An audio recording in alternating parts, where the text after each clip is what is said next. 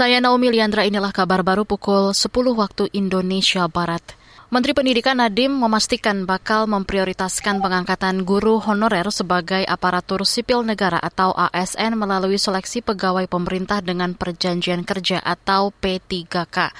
Hal itu disampaikan Nadiem saat memimpin upacara peringatan Hari Guru Nasional hari ini. Ia mengakui program seleksi ASN guru melalui P3K masih banyak kekurangan. Untuk itulah kami saat ini juga terus memprioritaskan pengangkatan guru honorer sebagai ASN melalui seleksi ASN pegawai pemerintah dengan perjanjian kerja ASN P3K.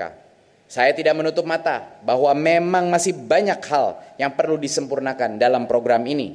Karena itulah semua dari kita harus bergotong royong agar target kita yakni satu juta guru diangkat sebagai ASN P3K dapat segera terwujud. Menteri Pendidikan Nadiem Makarim mengatakan saat ini waktu yang tepat untuk menyamakan arah perjalanan pendidikan, yaitu pendidikan Indonesia yang maju, berkualitas, dan memerdekakan.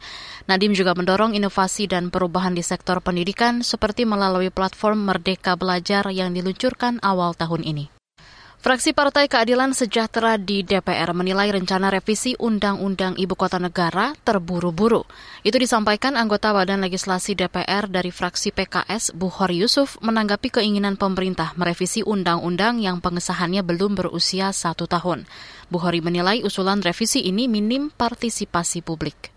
PKS melihat ternyata setelah baru saja diketuk dan belum dilaksanakan, maka mengalami satu persoalan. Itu menunjukkan betapa sesungguhnya dalam kita membahas suatu undang-undang diperlukan kehati-hatian, diperlukan pandangan dari semua komponen anak bangsa, sehingga tidak kemudian memburu yang penting selesai. Atas dasar itu semuanya, PKS tidak setuju dengan masuknya rancangan undang-undang tentang IKN. Anggota Badan Legislasi DPR RI dari fraksi PKS, Buhari Yusuf, mempertanyakan sikap pemerintah dan anggota DPR lainnya yang terkesan terburu-buru dalam menyusun sebuah undang-undang. Ia merujuk pembentukan Undang-Undang Nomor 11 Tahun 2020 tentang Cipta Kerja yang kemudian bermasalah. Dua fraksi di DPR menolak usulan revisi Undang-Undang Ibu Kota Negara. Namun mayoritas fraksi di DPR menyetujui usul pemerintah agar revisi Undang-Undang itu masuk prioritas pembahasan tahun depan. Kita ke lantai bursa. Perdagangan saham di Bursa Efek Indonesia hari ini bergerak melemah. Indeks harga saham gabungan IHSG dibuka di posisi 7.080 dan bergerak volatil di zona merah. Indeks sempat menguat tipis di posisi 7.086, namun pagi ini lebih banyak melemah.